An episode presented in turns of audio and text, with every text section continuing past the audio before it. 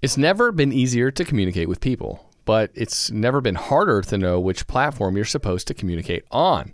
Here's a simpler solution. With call, meet, and message all in one app, RingCentral makes communication easy. With all that connectivity in the palm of your hand, you can work from anywhere with anyone at any time and never miss a beat. Because when it comes to communication, simple is better. Learn more at ringcentral.com. RingCentral. Simpler communications. Cześć, czołem. Z tej strony podcast Metalurgia. Za mikrofonem Piotr, a są ze mną również Michał. Jestem. Maciej Krzywiński. Siemano. I Bartosz Cieślak. Dzień dobry. Dzisiaj postanowiliśmy pogadać sobie o zespole Acid Drinkers. Przyczynek do tej dyskusji jest dosyć oczywisty. Chodzi o, o to, jak został odebrany nasz poprzedni podcast dotyczący płyt, które kształtowały metal polski w XXI wieku. No i szczerze mówiąc, nie spodziewaliśmy się, ale trochę tych podpalonych fanów Acidów e, się zebrało w komentarzach.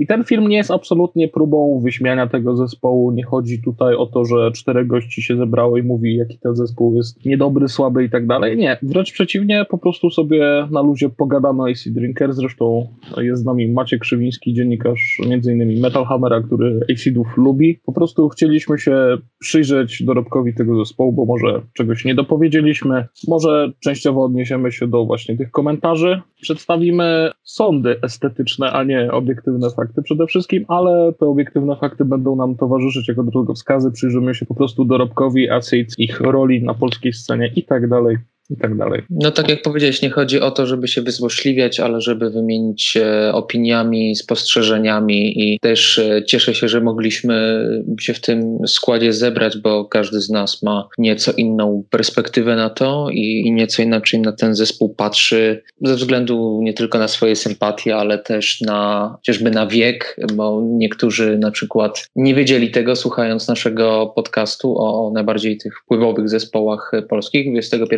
wieku wieku i uważali, że, że Bartek e, z Krzyśkiem też są w naszym wieku, a to, to nie do końca tak wygląda. Tak, to może nie, nie zaczynajmy od numerów PESEL tutaj, Dokładnie. Ale, ale po prostu może pogadajmy o tym, kiedy, w którym momencie trafiliśmy w ogóle na AC Drinkers i, i jaki, jaką rolę w naszym poznawaniu muzyki, w słuchaniu muzyki odegrał ten zespół. Kto ten pierwszy, kto się zgłasza? Ja mogę. Wiedziesz. Jeżeli dobrze pamiętam, to pierwszym takim moim kontaktem z muzyką AC Drinkers był oczywiście teledysk Pizza Driver, emitowany w programie Clipol na TVP2. To był taki program, w którym puszczano polskie teledyski od Various Monks po Dla Cieniów Minionych i tam, jeżeli dobrze sięgam pamięcią, to tam właśnie po raz pierwszy zobaczyłem Acid Drinkers i, i Pizza Driver. Być może było to też w programie Lalamido. To były te czasy, kiedy no, po prostu muzyka poznawało się z telewizji. Jeżeli chodzi o takie pierwsze świadome usłyszenie płyty, to czasowo to mogło być gdzieś między Infernal Connection a The State of Mind Report, bliżej tego drugiego. Bo pamiętam, że kupowałem Brumy i w Brumie były zapowiedzi już tej, tej drugiej płyty. Pamiętam też, że w podstawówce w Warszawie kupiłem sobie płytę winylową Are You Rebel, którą mam do dziś. I to są takie moje pierwsze wspomnienia z kontaktu z muzyką Acid Drinkers. To była muzyka, która była też łatwo dostępna na kasetach, więc jak chciało się posłuchać tego metalu i chciało się te kasety kupić, to one były relatywnie tanie, dostępne, więc y, dość szybko pokupowałem sobie te kasety. Dirty Mind, Dirty Tricks, Wild Vicious Vision, Infernal Connection. Potem wyszedł właśnie The State of Mind Report i to był właśnie mniej więcej ten etap, kiedy muzyka Acid Drinkers była obecna w moim życiu. Tak, ten etap dosyć szybko się zakończył, bo, bo pojawiły się troszeczkę mocniejsze granko, które, które mi zdominowało. No, tak to wyglądało u mnie. W ogóle do tych płyt nie wracasz? Wróciłem chociażby przy okazji przygotowywania się do tej audycji. My wszyscy wrócili, wrócili z obowiązku, ale to tak wiesz, nie, niekoniecznie Więc, z własnej tak, woli. Przekartkowałem sobie te płyty i to uważniej, nie, nie pobieżnie. Czy w ogóle do tych płyt nie wracam? Wiesz co? Czas jakiś temu wróciłem do płyty The State of Mind Report i nawet y, porozmawiałem sobie z paroma kolegami na temat tej płyty. To jest w ogóle płyta, którą ja no myślę, że można powiedzieć, że lubię do dzisiaj. Przede wszystkim nie jestem wyznawcą kultu Infernal Connection która jest uznawana za taką najlepszą płytę CD. Tak, tak, tak.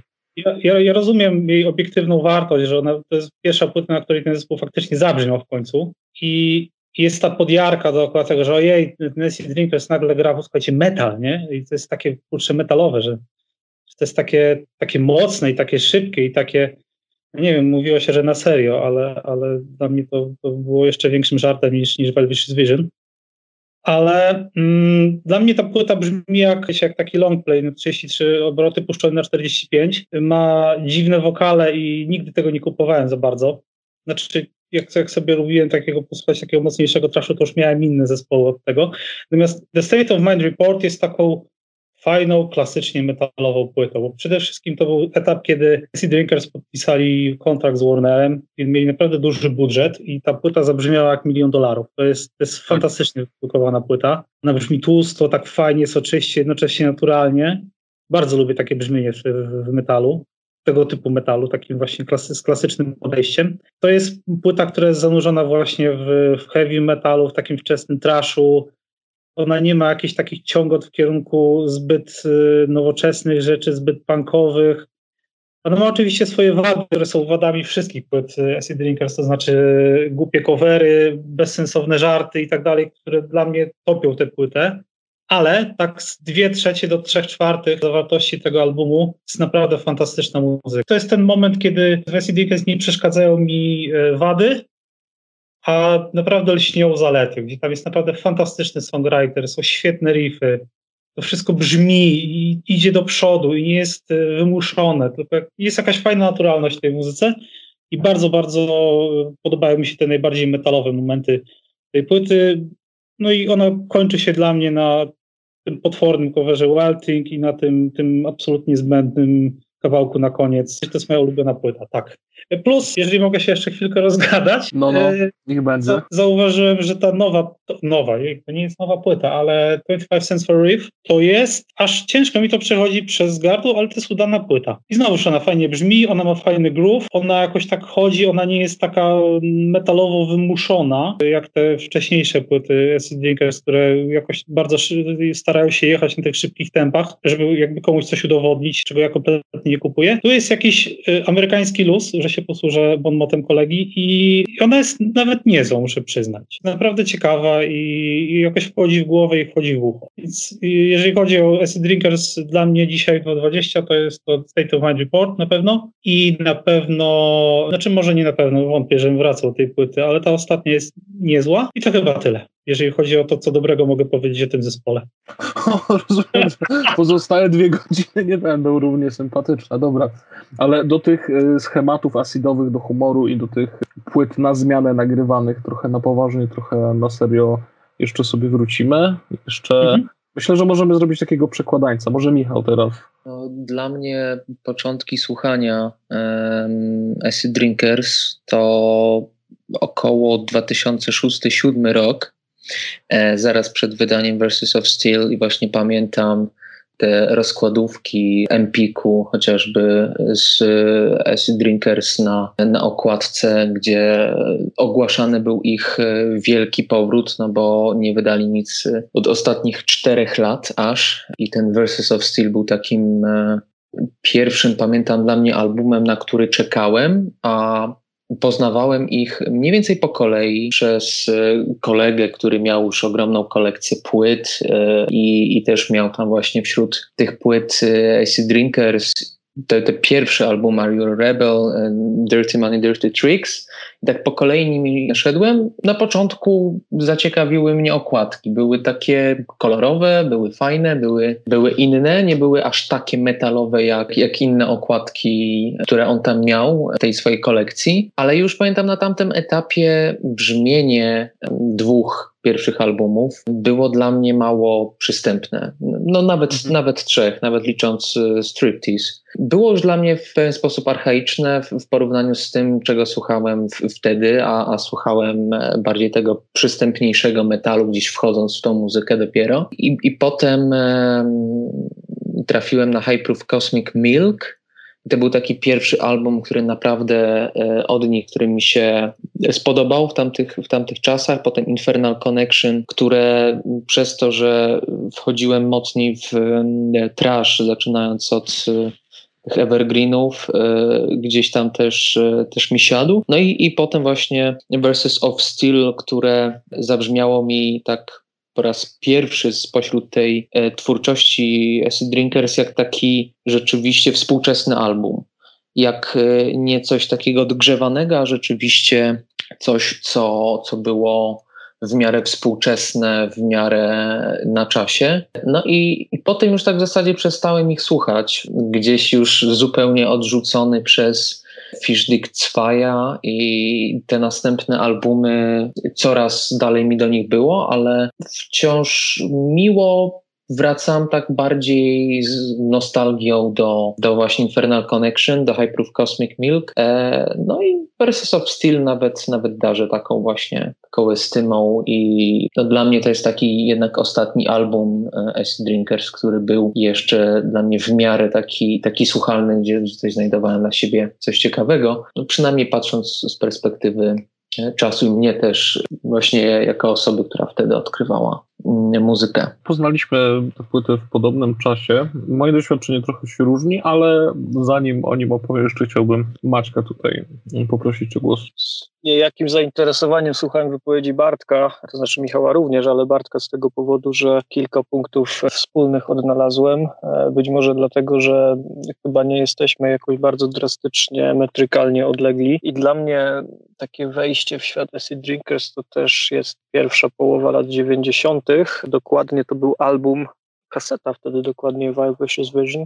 Wprawdzie nie dzięki Pizza Driver i nie dzięki Clipolowi, tylko nie wiem, czy pamiętacie i czy u Was też taka instytucja funkcjonowała, ale u nas e, w podstawówie działało coś takiego jak dyskoteki szkolne i tam e, pomiędzy utworami Roxette, Ace of Base i tak dalej e, czasami ktoś przemycał jakieś utwory zagrane na gitarach i koledzy z, z klasy, a wtedy byliśmy dziesięciolatkami. Mieliśmy jednego kolegę, który chyba przez starsze rodzeństwo został zainfekowany muzyką rockową, metalową, przyszedł na, na taką rockową dyskotekę, pamiętam, z kasetowym soundtrackiem do filmu Last Action Hero, gdzie były chyba kawałki Alice in Chains, Megadeth, ACDC, Tesla również, e, no i właśnie z Wild Vicious Vision. I fragment tego albumu puścił, a potem mi pożyczył. Wtedy no, byłem gówniarzem, no bo trzeć, to była jakoś czwarta klasa podstawówki czy coś, ma się około 10 lat, więc dla mnie wciąż była to muzyka dosyć trudna do pojęcia, ale jednak na swój sposób fascynująca. I w zasadzie z perspektywy lat jestem gotów powiedzieć, że to był dobry początek, e, bo ta płyta akurat jest wyjątkowo przystępna, jeśli chodzi o dyskografię Acid Drinkers, która generalnie no, nie jest jakimś wielkim wyzwaniem dla słuchacza, ale dla dziesięciolatka ta taka wręcz komiksowa muzyka z, z Wild Vision no, była, była do przełknięcia. Tam było parę kawałków takich e, ewidentnie poprowadzonych wyrazistymi melodiami, no właśnie chociażby Pizza Driver Zero i, i jeszcze kilka innych. No i tak to się zaczęło, e, ale również szybko skończyło, bo, bo no w tym wieku jeszcze potrzebowałem trochę czasu, żeby, żeby dorosnąć do takiej muzyki, e, a kiedy muzyką no, trochę ostrzejszą powiedzmy znów się zainteresowałem, no to to padło właśnie w okres gdzieś Infernal Connection i, i The State of Mind Report oraz Hyper of Cosmic Milk. Jeśli pytacie o to, które albumy po latach szczególne miejsce zajmują w moim rankingu, no to ze względów sentymentalnych właśnie Wild Vision, natomiast ze względów e, bardziej estetycznych powiedzmy, no to właśnie ta trójca e, od połowy do końca lat 90. Ja ten okres uważam chyba za taki najbardziej kreatywny w historii zespołu, bo zauważcie, że te trzy albumy dosyć drastycznie się od siebie różnią. Wszystkie powstały w niewielkich odstępach e, czasu, zwłaszcza jak, jak na realia dzisiejszego rynku muzycznego, gdzie, gdzie nie jest jakimś specjalnym zaskoczeniem, że zespoły wydają albumy co 3, 4, czasami więcej lat, a tam od 94 do 8 no powstały trzy płyty bardzo zróżnicowane. Infernal właśnie taki bardziej aspirujący do intensywnego thrashu, chociaż to też można umownie dosyć e, interpretować. Następnie bardziej taki rdzenny, klasyczny The State. E, no i na koniec wielu twierdziło, że ulegający wpływom e, new metalu High Proof Cosmic Milk. Ja tutaj nie byłbym tak jednoznaczny. Jeśli new metal, to, to w moim rozumieniu na szczęście taki bardziej zawiesisty, transowo-sepulturowy z okresu Roots, powiedziałbym, niż jakiś e, limb biskitowy. Z późniejszych albumów, tu was może zaskoczę, bo to jest chyba płyta nieszczególnie doceniana. Ja akurat lubię Acidophilię, to była ostatnia płyta nagrana z Perłą, skądinąd całkiem sympatycznego zespołu Guess Why. I on właściwie tę płytę zrobił w większości samodzielnie. To było takie, takie trochę wstrzyknięcie w, w, te, w te tradycje Acid Drinkers, takiego trochę chłodniejszego, bardziej powiedziałbym matematycznego grania, matematycznego nie w rozumieniu e, The Dillinger Escape Plan czy Into the Mode, ale takiego trochę powiedziałbym z, z premedytacją strukturyzowanego. E, mi to całkiem pasowało i kolejny punkt styku z tym, o czym Bartek mówił, to, to jest właśnie 25 Cents for a Riff. To jest w mojej ocenie też całkiem niezły, e, niezły album. On się akurat fajnie według mnie odróżnia na tle ostatniej historii zespołu, gdzie te płyty typu Peep Show, czyli ta ostatnia La Part du Diable, one mają dla mnie taką trochę jakąś pretensję do udowodnienia, jak żywotnym i narowistym zespołem wciąż Acid Drinkers być potrafi. I jakoś e, te płyty są dla mnie poprawne, dobrze zagrane. Oczywiście po tylu latach trudno, żeby było inaczej e, przyzwoicie wyprodukowane, ale jakoś nic we łbie mi się nie chce za bardzo zaczepić, jeśli chodzi o ich e, zawartość. To jest takie, takie młócenie w formie, ale jakoś gdzieś mi brakuje tam paliwa emocji. Natomiast 25 Cents for a to jest płyta według mnie bardziej kolorowa, taka trochę pulsująca. Z tego powodu dosyć dobrze ją e, wspominam. O, tak to było. Chciałem powiedzieć, że podzielam te obserwacje odnośnie ostatnich płyt Acid Drinkers. Rzeczywiście to te płyty są takie bardzo ściśnieniowane i takie bardzo... Ociężałe, bym powiedział. Znaczy, one faktycznie, tak jak Maciek mówi, starają się udowodnić, że ten zespół jeszcze może. A ten 25 Cents for Riff jest bardziej wyluzowany, jest tam więcej powietrza, więcej przestrzeni na, jakieś, na jakąś ciekawą melodię, na jakiś groove. Tego się po prostu lepiej słucha. Plus miałem te kawałki w głowie po pierwszym przesłuchaniu, co nie zdarzyło mi się po uważniejszym przesłuchaniu typu nawet Versus of Steel, która jest uważana za jedną z tych podobno lepszych. Od razu może się wtrącę i dorzucę. Ja akurat y, jak Versus of Steel się ukazało, to rzeczywiście było po takim okresie e, ciszy zespołu i chyba dołowania, nawet jeśli chodzi o popularność. Wielu okrzyknęło ten album powrotem do formy i, ja muszę po latach powiedzieć, że kurczę, dla mnie ta płyta akurat wpisuje się w tę tendencję ostatnich albumów z pretensją do, do trashu. Dla mnie znów bardzo poprawny album, e, jakby trudno obiektywnie się do niego doczepić, może poza poza, poza okładką, do której łatwo się doczepić, ale dla mnie to było takie wierzganie trochę bez celu. Ja akurat tutaj w poprzek idę i jakoś fascynacji tym albumem nie kumam. Tam było dużo grzmotu, ale dla mnie trochę mniej jakby drogi do celu. Mhm. No właśnie, mnie ten grzmot trochę ujął, bo AC Drinkers poznałem nie jako zespół thrashowy, zresztą za thrashem do tej pory nie przepadam, ale właśnie jako zespół bardziej metalowy, tak po prostu metalowy.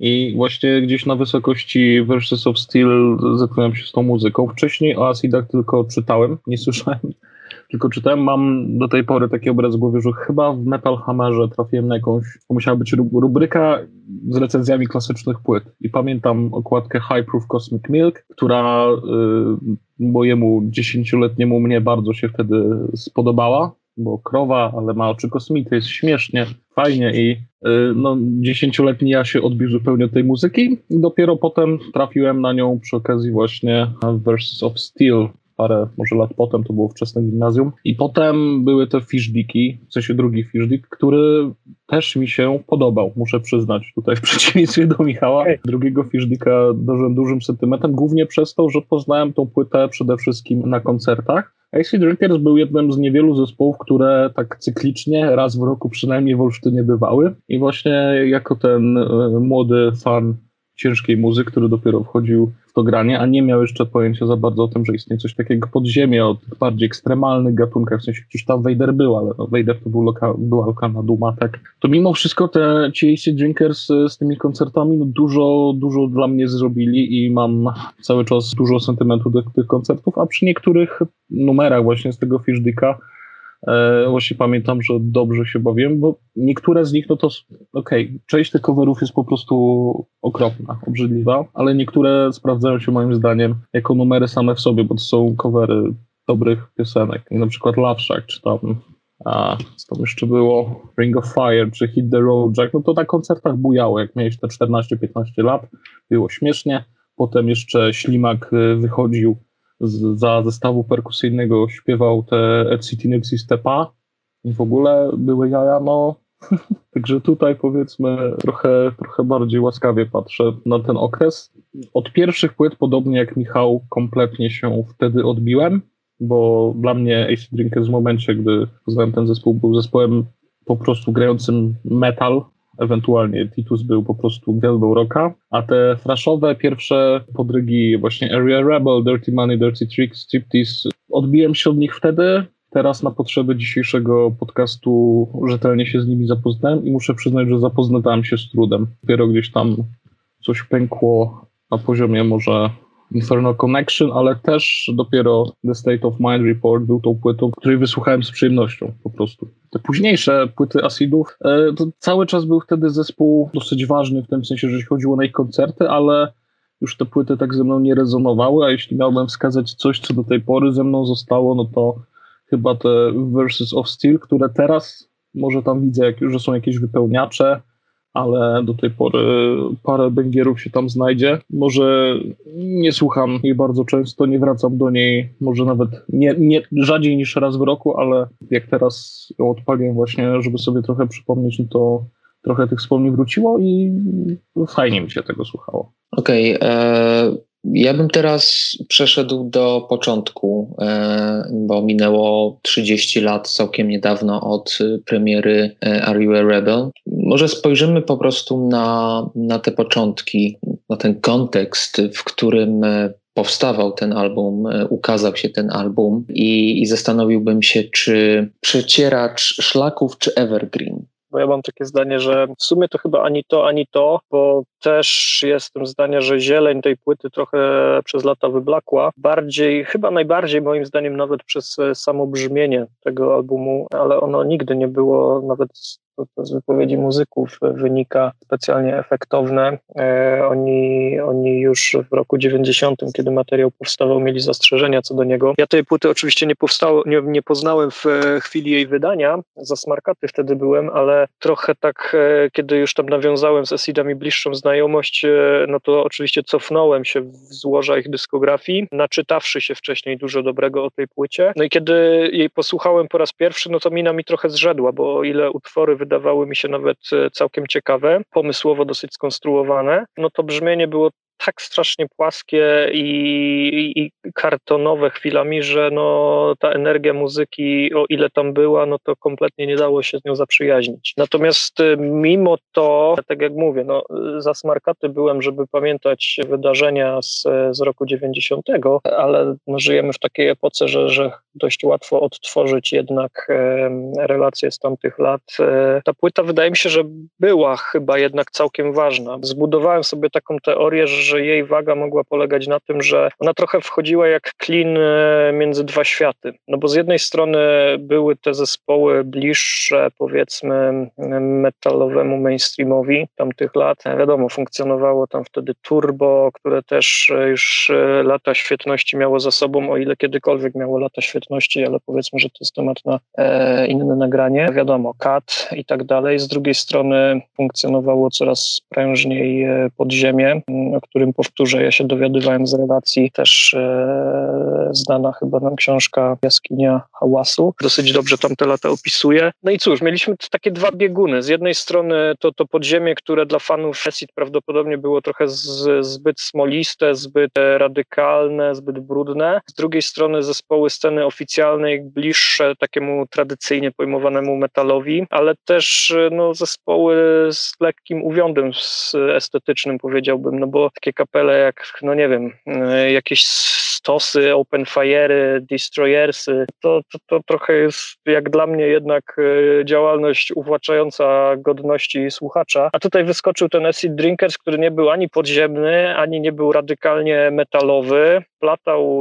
dosyć przyjazną melodykę do utworów. Niby tam trochę grzmiał, ale tam też można było podchwycić e, refren w takim My Fuck the Violence. I wydaje mi się, że oni też sobie tym zyskali sympatię takich nieortodoksyjnych słuchaczy. Nieortodoksyjnych w sensie jakby estetyki muzycznej. I znów e, z relacji wiem, że, że wtedy dużymi wydarzeniami bywały ich koncerty. Nawet taki Rafał Księżyk, o którym e, gadaliśmy chwilę offline przed nagraniem swojej nowej książce, e, wspominał o Acid Drinkers. Kiedy z nim rozmawiałem, to mówił, że oni ujęli go przede wszystkim koncertami. Wiadomo, że to były lata, kiedy oni często za, zacieśniali więzy z substancjami rozluźniającymi i te koncerty pewnie nie były idealne wykonawczo, brzmieniowo, sprzęt też nie był w takim standardzie jak dzisiaj, ale powraca jak bumerang w relacjach z tych koncertów, że tam jednak e, była duża charyzma na scenie, duży taki adrenalinowy strzał energii. Oczywiście nie jestem w stanie tego zweryfikować, ale może to też był jakiś, e, jakiś klucz e, do, do ich sukcesu wtedy. No i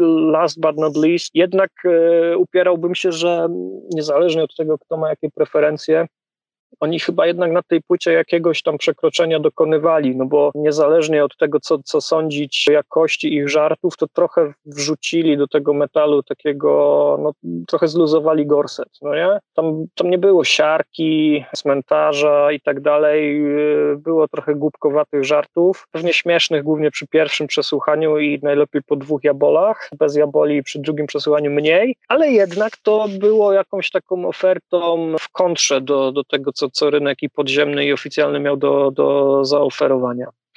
To, to tak, takie moje refleksje po latach nieweryfikowalne. Dla mnie.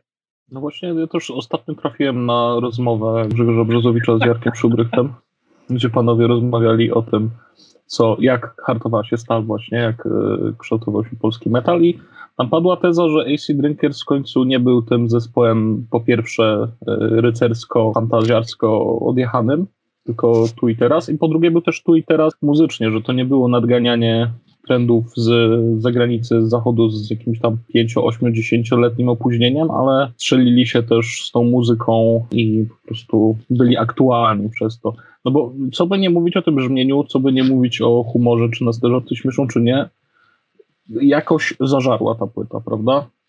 Jakoś przetarłem drogę do, do sukcesu. Ja też nie załapałem się na um, czas wydania tej płyty, ponieważ kiedy ona wychodziła, to ja miałem lat 8, więc się rzeczy nie pamiętam tego, ale też zupełnie przypadkowo trafiłem na tę płytę dość wcześnie, tak jak mówiłem, nabywając winyla gdzieś podczas wycieczki z rodzicami do Warszawy. Pamiętam, że rzeczywiście ta płyta była e, uważana za taki kamień milowy w rozwoju sceny, to był zespół, który wtedy... No i też oczywiście wtedy czytałem książkę Leszka Gnonickiego, Raport o Acid Drinkers, który mi tam naświetlał kontekst tego wszystkiego i opowiadał o tym zespole w taki bardzo czołobitny sposób. Wydanie Are You Rebel było tam ukazane jako objawienie, jako zupełnie nowa jakość, jako moment przełomowy dla polskiego metalu i do pewnego, do pewnego stopnia to była prawda, bo tak jak Maciek mówi, e, poziom ówczesny takiego metalu polskiego aspirującego do mainstreamu był katastrofalny albo słaby. E, Acid Drinkers e, zaproponowali płytę, która była no, brzmieniowo mocno taka sobie, ale była zagrana przez ludzi, którzy potrafili grać. Te kawałki były jakieś, one były wyraziste. Tam był jakiś humorek, który był może ciężką ręką e, klejony, ale był. To było na kontrze do takiego bardzo ściśnieniowanego metalu kata. Ja widzę w tym jakąś, jakąś oryginalność. Ja nie cierpię tej płyty jako słuchacz. Nie mogę jej słuchać, jest, jest straszna, ale widzę pewną obiektywną oryginalność tego, tej, tej propozycji artystycznej.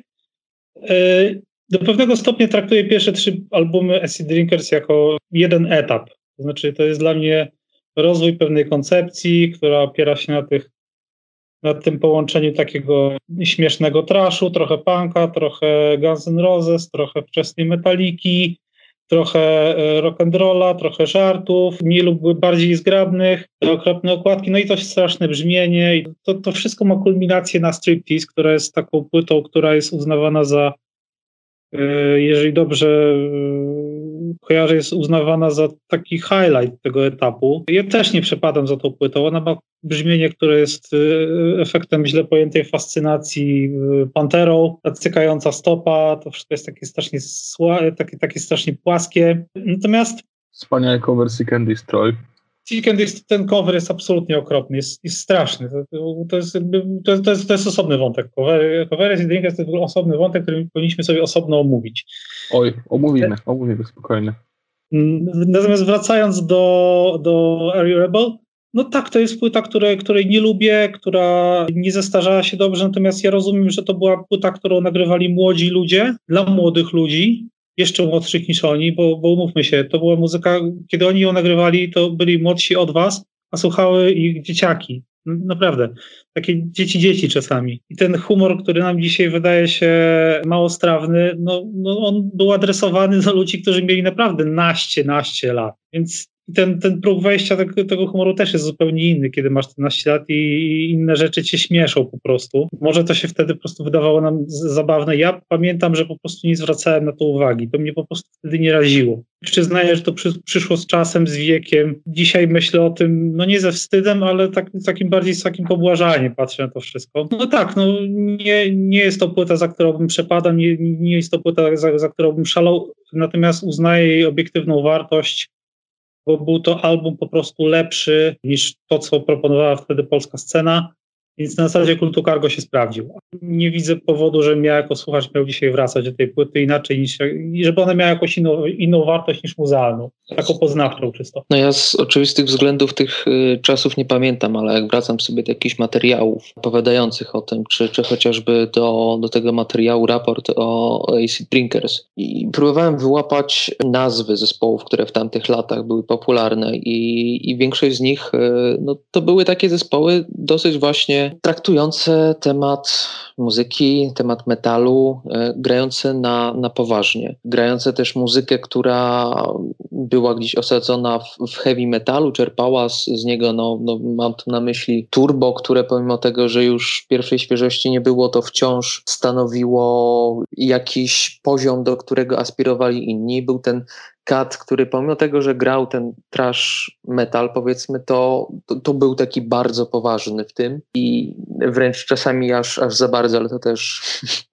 pewnie na, na inną dyskusję temat. No i, i, i wszedł ten Acid Drinkers z okładką zupełnie odjechaną, z, na której trudno w sumie powiedzieć, o co tak naprawdę chodzi. I, I mimo tego, że mnie wtedy w tych czasach nie było, to właśnie przemówiła ta na pierwszym miejscu ta, ta okładka, gdzie właśnie przeglądając inne płyty e, metalowe, gdzie pełno było tych czarno-białych okładek, były ciemne kolory, było, e, było szaro, było ponuro, był, był diabeł, ogień no, i, i wszystko co złe. Super wycyzelowana fantastyka, prawda?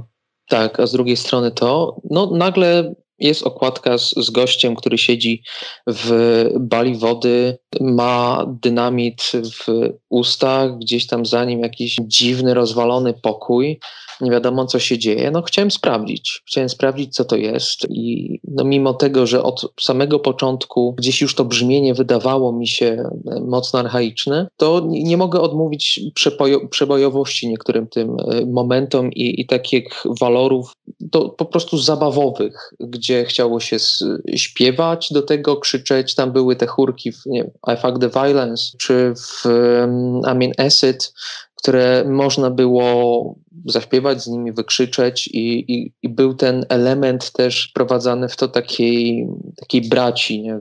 w metalu i w piwku. Więc to, to było ciekawe, to było, to było inne. Nawet dla mnie w tych czasach, w których odkrywałem muzykę, co prawda metalową, co prawda nie, nie znałem wtedy aż, aż tylu albumów, żeby mieć y, z czym porównywać, ale już wtedy było, było to dla mnie nieco, nieco inne, wtedy na, na początku, mimo że wydawało się takim nieco, nieco starociem. No generalnie chyba problemem metalu opartego o humor, czy w ogóle muzyki opartej o humor jest to, że mało rzeczy naprawdę się tak szybko jak humor dezaktualizuje i w momencie, gdy duży wysiłek jest złożony właśnie w tą stronę humorystyczną, nie tak dużo muzyczną, no to słabo wszystko się to Ale w takim razie przejdźmy może już do nie tych rzeczy, które sprawiały, że Arctic Drinkers odnieśli sukces na tle nie tak dobrych e, konkurentów, powiedzmy, z rodzimego podwórka, ale do tego piku ich kariery przez krytyków przynajmniej e, tak e, określane są to płyty Infernal Connection, High Proof Cosmic Milk i właśnie State of Mind Report. To już są płyty, które wy poznawaliście na bieżąco, prawda? Bartku, Maćku? Tak, tak. Co najmniej od State of Mind Report, tak. I faktycznie można powiedzieć waszym zdaniem, że to już jest zespół, który jest u szczytu możliwości i gra swoimi atutami, a nie po prostu na tle słabych y, konkurentów? Nie, tutaj zdecydowanie to, to jeżeli jest jakiś pik, który, który możemy wskazać obiektywnie, to na pewno te trzy płyty. Tak jak Maciek mówił, one są y, różnorodne, one są, bo to w ogóle jest zespół, który się rozwijał. I trzeba mu oddać, że to jest zespół, który próbował różnych rzeczy, to były próby z różnym skutkiem. I to mi się może podobać albo nie, ale to był rzeczywiście zespół, który testował swoje możliwości, przynajmniej do pewnego momentu i gdzieś tam kombinowali w obrębie tego, co było im dostępne, no bo robili co mogli z tym, co mieli. Stąd taka inna dostępność studiów w, w owym czasie i dopiero któraś tam płyta tak naprawdę porządnie zabrzmiała. Natomiast y, zdecydowanie to jest ten, te trzy płyty to jest taki moment, kiedy to był zespół rozwinięty, który to był zespół świadomy siebie, który miał już swoją fanbazę i ta fanbaza kupiła, wydaje mi się, wszystkie te trzy oblicza. Może ten rzeczywiście Hyper Cosmic Milk był uznawany za zbyt nowoczesny, ale to był taki czas, kiedy wszystko mniej lub bardziej świadomie nasiąkało tym wpływem brzmienia Rossa Robinsona i czy to brzmienie przy, przychodziło do ciebie z pierwszej, drugiej płyty Korna, czy ono przychodziło do ciebie z Roots Sepultury, czy może ono przychodziło do ciebie z Machine Heada, a może już Soulfly'a, to ono jednak y, gdzieś tam podgryzało ci kostki. Jakkolwiek by dotarło do, do Acid Drinkers, to to rzeczywiście była już, było już e, nasiąknięte takimi wpływami. Ja wtedy przyznaję, już się odklejałem od tej muzyki. Pamiętam, że byłem na koncercie. E, to był koncert z trasy, który oni grali z Guess Why i chyba z Guess Why i chyba z Corazon, ale, ale nie dam sobie głowy uciąć za to. I pamiętam, że to był dobry koncert, bo to zawsze był dobry, dobry zespół koncertowo, ale mm, ja już tak gdzie indziej sobie zerkałem, gdzie indziej przekładałem ucho i to już były takie moje zupełne, zupełna końcówka zainteresowania czynnego tym zespołem. Więc odnotowałem to, że to jest płyta, która próbuje flirtować jakoś z tymi nowoczesnymi brzmieniami. To miało swoje lepsze oblicze na tej płycie i to miało też swoje takie oblicze jak okropny cover Proud Mary z, z riffem z Sepultury. No ale tak, to, to było jakieś, to było wyraziste. No, o The State of Mind Report już mówiłem, to jest, to jest płyta, którą bardzo lubię. Dla mnie tam ten zespół był u szczytu swojej możliwości kompozytorskich. Są fantastyczne numery, świetnie zagrane. Wokal jest najmniej wkurwiający ze wszystkich płyt Sea Drinkers i ta płyta powinna się skończyć dużo wcześniej niż się kończy, ale jest bardzo dobra. Natomiast kultu Infernal Connection nie podzielałem, nie podzielam. Dla mnie ta płyta jest strasznie wysilona i zapowiada wszystko to, co działo się w latach 2000. To znaczy bardzo wiele z tych albumów jest właśnie takim próbą powrotu tego ściśnieniowanego grania metalu z Infernal Connection. No, więc y, tak to, tak to wygląda. Z mojej perspektywy to wygląda tak, no, że to rzeczywiście chyba jest taka, taka kulminacyjna, kulminacyjny tryptyk. Że to jest złe słowo, bo te płyty nie są za bardzo powiązane niczym poza, poza bliskością na osi czasu, ale tak, mi się wydaje, że, że wtedy ta kapela pokazała jakby wiele twarzy. Ja akurat Infernal Connection lubię. E, lubię, jeśli chodzi o jej jakość i zawartość. Nie lubię z tego powodu, że moim zdaniem ten album okazał się dla tego zespołu klątwą i oni po 2000 wielokrotnie nawet e, deklarowali w wywiadach, że nowa płyta brzmi jak e, zestawienie powiedzmy Hyper Cosmic Milk i Infernal Connection, Infernal Connection, The State of Mind Report. Taki wręcz się wykształcił kompleks tego Infernal Connection, tak jakby poprzeczkę tam sobie zawiesili na tyle wysoko, że, że wciąż próbowali do niej doskoczyć. Moim zdaniem niesłusznie, no bo mimo, że jak mówię, ja ten album cenię i lubię, to to nie jest jedyne e, i chyba nawet nie najatrakcyjniejsze oblicze Acid Drinkers. The State of Mind Report jak najbardziej, tu się zgadzam, być może to jest najbardziej przebojowy, w taki bezpretensjonalny sposób e, album tego zespołu, rzeczywiście bardzo soczysty. Z jednej strony zapatrzony w muzykę, która powstawała jakieś 15 15 lat przed jego narodzinami, ale z drugiej strony bez takiego, takiej hamskiej stylizacji retro. To mi dobrze bardzo wchodziło. Podobnie jak Hype of Cosmic Milk, no bo tak, e, faktycznie album zdecydowanie nowocześniejszy, zresztą nawet dla Tytusa zbyt nowoczesny. On, on też kilkukrotnie powtarzał, że, że Lica wtedy jakby za daleko się zapuścił jak na jego tradycjonalizm, ale może też z tego wynikała jakość tej płyty, że, że tam trochę było takie is, iskrzenie między, między tymi takimi wątkami kosmicznymi, a jednak trochę bardziej tradycyjnym podejściem do, do melodii u i co ja miałem powiedzieć? Aha, no tak, ta płyta miała takie, takie ambicje ku nowoczesności, ale chyba tutaj nikt nie będzie protestował, że niezależnie od tego, co by mówić, czy ona się dobrze, czy źle zestarzała, to to wciąż jest jak dla mnie poziom dwa albo trzy poziomy ponad tym, co w, w drugiej połowie lat 90. i na początku lat 2000 w tym bardziej popularnym metalu uchodziło za nowoczesne. Te wszystkie jakieś, kurde, wrinkled thready, no concreto i tak dalej. No to high proof to wydaje mi się, że z łatwością zgniata te płyty i jak dla mnie wciąż się dobrze broni. W tym sensie tutaj pełna zgoda, tak? To, to, to jest lepsza płyta na pewno niż to wszystko, co było potem, co zupełnie w dziwny sposób odczytywało ten new metal. Więc ja bym chciał jeszcze zwrócić uwagę na kontekst, w jakim powstały te trzy płyty, o których tutaj mówimy, to znaczy to wszystko, co działo się dookoła Acid Drinkers, to znaczy to były zespoły Flapjack, to był 2 ten 2 3 i to była też armia gra popcorn. No, no właśnie, wydaje mi się, że Maciek tutaj z tą klątwą Infernal Connection dotknął trochę szerszego problemu, mianowicie tożsamości muzycznej AC Drinkers, którą mimo tego, że ten zespół był, postrzegam go przynajmniej jako bardzo poszukujący, to właśnie no, te wpływy, które raz z jednej, raz z drugiej strony cały czas się tam przesączały i destabilizowały trochę to, w którą stronę oni szli. Ale to dobrze, że to destabilizowało. Znaczy jakby to, to, ta destabilizacja, o której ty mówisz, dla, jakby zaskutkowała tym, że dzisiaj w ogóle rozmawiamy o tych płytach, że to są trzy zupełnie różne płyty i możemy się nie zgadzać co do tego, czy one są dobre, czy złe, którą wolimy bardziej, którą nie, ale wiesz, masz trzy zupełnie różne płyty, które mają pewną obiektywną wartość, niezależną od gustu. Te wpływy, o których tutaj mówimy, one się przesączały przez Lice, który był tymi, tymi drzwiami, które, które z jednej strony otwierały się Acid Drinkers na, no, na nowe rzeczy, z drugiej strony on tam miał swojego Flapjacka. On miał wtedy przecież, no ten Flapjack to był zespół, który miał grać muzykę taką współcześniejszą, e, taką bardziej młodzieżową. Ona była takim rap metalem, ale to był też rap metal na świetnych traszowych riffach momentami, więc to też był zupełnie inny rap metal niż takie e, podskakujące e, prowincjonalne klony Biohazard i Doggy Dog. I, I, to też trzeba mu oddać. Te płyty nie zestarzały się za dobrze ze względu właśnie na wokale i przez taką, taką wymuszoną luzackość, ale tak w warstwie muzyczno-brzmieniowej to tam dzieją się fajne rzeczy. Osobnym wszechświatem była w ogóle trzecia płyta Flapjacka, która jest zupełnie nieintencjonalnym arcydziełem dla mnie, ale to jest inna sprawa. Swoją drogą Lica akurat e, w nią był najmniej zaangażowany. Wtedy już tak, tak, tak, zrobił większość, tak. Oddał pole i nagle zespół odpłynął gdzieś w kosmos, ale to faktycznie, to jest, zresztą spotkał się z murem chłodu dotychczasowych fanów, ale to jest rzeczywiście album fenomenalny.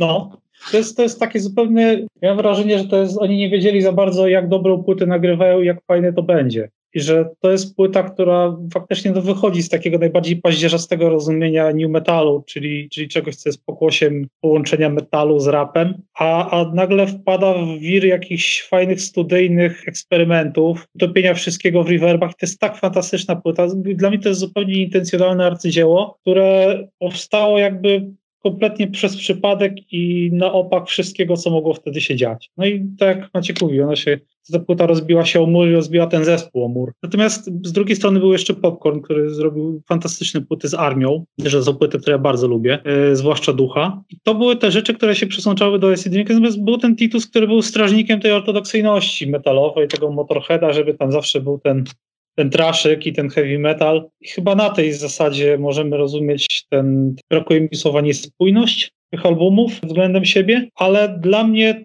to rozedrganie stylistyczne zrobiło im dobrze. Choć z perspektywy zespołu mogło to wyglądać zupełnie inaczej, pewnie były tam jakieś tarcia i pewnie były tam ostre dyskusje. Jako słuchacz mogę powiedzieć, że no, to tylko dobrze, jeżeli zespół robi takie rzeczy, próbuje, bo bo chyba jednak wolę taką spektakularną nawet porażkę niż, y, niż takie mętne odcinanie kuponów od, od czegoś, czego oczekują fani. Taka anegdotka może na zilustrowanie tego, o czym Bartek mówi, kiedy SCG nagrywali Infernal Connection, to w jednym z utworów, nie, pomnę już którym, chyba IQ Cycle, ale nie oddam za to żadnej kończyny, pojawił się Scratcher. Mhm. Tak. I, e, tak, ten, tak, tak. Gdzieś tam wy, wyczytałem, że, że reakcja Tytusa na to, kiedy, kiedy dowiedział się o tym, że takie środki wyrazu się pojawiły na płycie jego zespołu, to, to zareagował ponoć słowami Dolicy, panie, ktoś tu płytę psuje. Więc to też wiele mówi o tym, jak, jak jakby rozbieżne były ich ambicje i, i, preferencje stylistyczne, ale ja, ja się zgadzam z tym, że to chyba dobrze zespołowi robiło. Ostatecznie pewnie było jednym z powodów, dla których Licesie Sea Drinkers rozstał, zapewne nie jedynym powodem, ale ja bym forsował tezę, że, że w wielu zespołach takie zgrzyty akurat na jakość muzyki dobrze wpływały. Pytaniem było tylko, no, na ile to iskrzenie da się utrzymać w ryzach, a kiedy doprowadzi do eksplozji. No, u Essie eksplozji może nie było, no ale ta ścieżka się skończyła w 98, nie? Z, wraz z odejściem Licy. No i właśnie potem mamy Amazing Atomic Activity, pierwszy album z Perłą, 99 rok i, i w zasadzie potem te, te dwa kolejne jeszcze po nim, mm, Broken Head, e, Acidophilia. Jakie postrzegacie z, z, z, perspektywy czasu? No bo ja na przykład się spotkałem z opiniami z jednej strony, że to już nie to samo, nie ma licy, trochę takie eksperymenty, jak chociażby na, na Broken Head, gdzieś tam próba pożenienia tego, z, może nawet z numetalem, z bardziej współczesnym wtedy brzmieniem, a z drugiej strony, że, że Perła był najlepszym tym, co mogło się im wydarzyć po, po odejściu licy i gdzieś tam jeszcze ten zespół e, pchał do, do przodu podczas kiedy kiedy Titus raczej go ciągnął w, w, te odmęty, w tą przeszłość. Jak postrzegacie te, te trzy albumy z Perłą? Ja to widzę tak, że pierwszy z nich, czyli właśnie Amazing Atomic Activity, to jest e, no taki typowy album przejściowy, a nawet więcej bym powiedział, już trochę świadectwo zagubienia się, pewnie też e, reakcja obronna Tytusa na Hyper Cosmic Milk, bo to jest z, zwrot ku jednak wiele bardziej tradycyjnemu myśleniu o metalu, nawet hard rocku chwilami. I prawdę mówiąc, na tej płycie Perła, mimo że podobno napisał połowę muzyki, no to chyba został mocno zdominowany jako żółtodziób i w zespole, i, i w zasadzie w ogóle żółtodziób, mimo że miał doświadczenie z Guess Why, ale Guess Why chyba wtedy był jeszcze przed premierą debiutanckiego albumu. I mam takie, takie odczucie, że on bardziej tę płytę pisał e, pod oczekiwania starszyzny plemiennej, aniżeli po to, żeby e, zaspokoić swoje ambicje, chociaż tam były takie przebiśniegi, jakieś takie numery trochę wręcz psychodelizujące, jak za zamykający album e, What a Day. Z drugiej strony był numer Cups Broke My Beer, taki no mocno wysilona próba jakiegoś takiego rock'n'rolla. E, no płyta bałaganiarska, taka mocno niespójna, przejściowa, ale ja akurat chyba podzielam tę tezę, że, że Perła był dobrym e, kandydatem i właściwym człowiekiem na właściwym miejscu. Według mnie to była kandydatura o wiele, o wiele lepsza e, niż ta, która pojawiła się na horyzoncie kilka lat później, kiedy pojawił się Lipa. Wybór e, no, takiego już wtedy weterana z zespołu w niektórych kręgach otaczonego kultem, na pewno w wielu kręgach popularnego. Moim zdaniem zaowocował u Acidów albumem no, dosyć takim e, płaskim i e, miałkim wręcz, bez żadnych wybojów. O ile te płyty z lat 90., e, z pierwszej połowy lat 90. bywały niedoskonałe, krzywe, słabo brzmiące, to jednak według mnie miały swój charakter. Natomiast ta płyta nagrana z Lipą, jej tego charakteru brakowało. Natomiast wracając do Perły, im dłużej historia z nim trwała, tym te płyty według mnie robiły się ciekawsze, bo na Broken Head z jednej strony, no może rzeczywiście znów jakieś aluzje do new metalu, ale z drugiej strony Perła to był gość, który nie wyrastał z takiego typowego pnia metalowego, on tam wielokrotnie powtarzał, że sobie lubi posłuchać bardziej Neurosis, Mr. Bungle, takich rzeczy. I trochę te wątki udawało mu się przemycić. Na przykład na Broken Head jest taki numer El Pecado, taki dosyć powiedziałbym psychodelizujący zgrzyt, pełnie nietypowy w kontekście tego albumu. No, a zwieńczeniem była Acidophilia, którą wielu pamięta przez numer tytułowy, bardzo nietypowy w kontekście płyty, bo była godny piosenkowy. Natomiast ta, ta, ten, ten ostatni album z Perłą wydaje mi się z, z spośród nagranych z nim chyba najrówniejszy. Nie ma wielu efektownych punktów zaczepienia. To jest taka powiedziałbym, dość cierpka płyta. Nie ma tam wielu wątków, które można by podchwycić, zanucić, ale mi się ona podoba chyba właśnie dlatego, że jest taka matowa, trochę wychłodzona. No ale na tym się historia z Perłą skończyła. Poniekąd, bo później też współprodukował kolejne albumy Acid Drinkers. Ja szczerze mówiąc nie mam jakiejś sprecyzowanej opinii o tych płytach, dlatego że kiedy one wychodziły, to był akurat szczyt mojej metalowej ortodoksji. Programowo przestałem takiej muzyki słuchać, na mnie po prostu nie interesowała. Nie wolno było. Wiesz co, wolno było, tylko po prostu nie było po co. To, to były zupełnie inne emocje, zupełnie inne dźwięki niż to, czego, czego wtedy oczekiwałem, więc nawet nie miałem takiej potrzeby, żeby już sięgać po, po te albumy. Po latach odnotowałem acidofilię i to rzeczywiście są tam ciekawe rzeczy, głównie ze względu na właśnie Perłę, który wnosił tam swoje fascynacje, ale to nie jest muzyka, do której miałbym jakiś emocjonalny stosunek i specjalnie się nad nią nigdy nie zastanawiałem i również wracając do tych płyt przed naszą rozmową, również mi specjalnie w głowie nie zostało. To są już zupełnie inne rzeczy niż to, gdzie ja dzisiaj jestem. Cały ten czas jest po prostu dla mnie czarną dziurą, który, kiedy byłem w zupełnie innym miejscu, Acid Drinkers odnotowałem dopiero, kiedy kolega ze studiów pożyczył mi Rock is Not Enough. I dopiero od tej płyty znowu skoczyłem na, na tory Acid Drinkers, ale też nie jako czynny, aktywny i śledzący słuchacz, tylko po prostu wziąłem płytę i świadomie jej posłuchałem.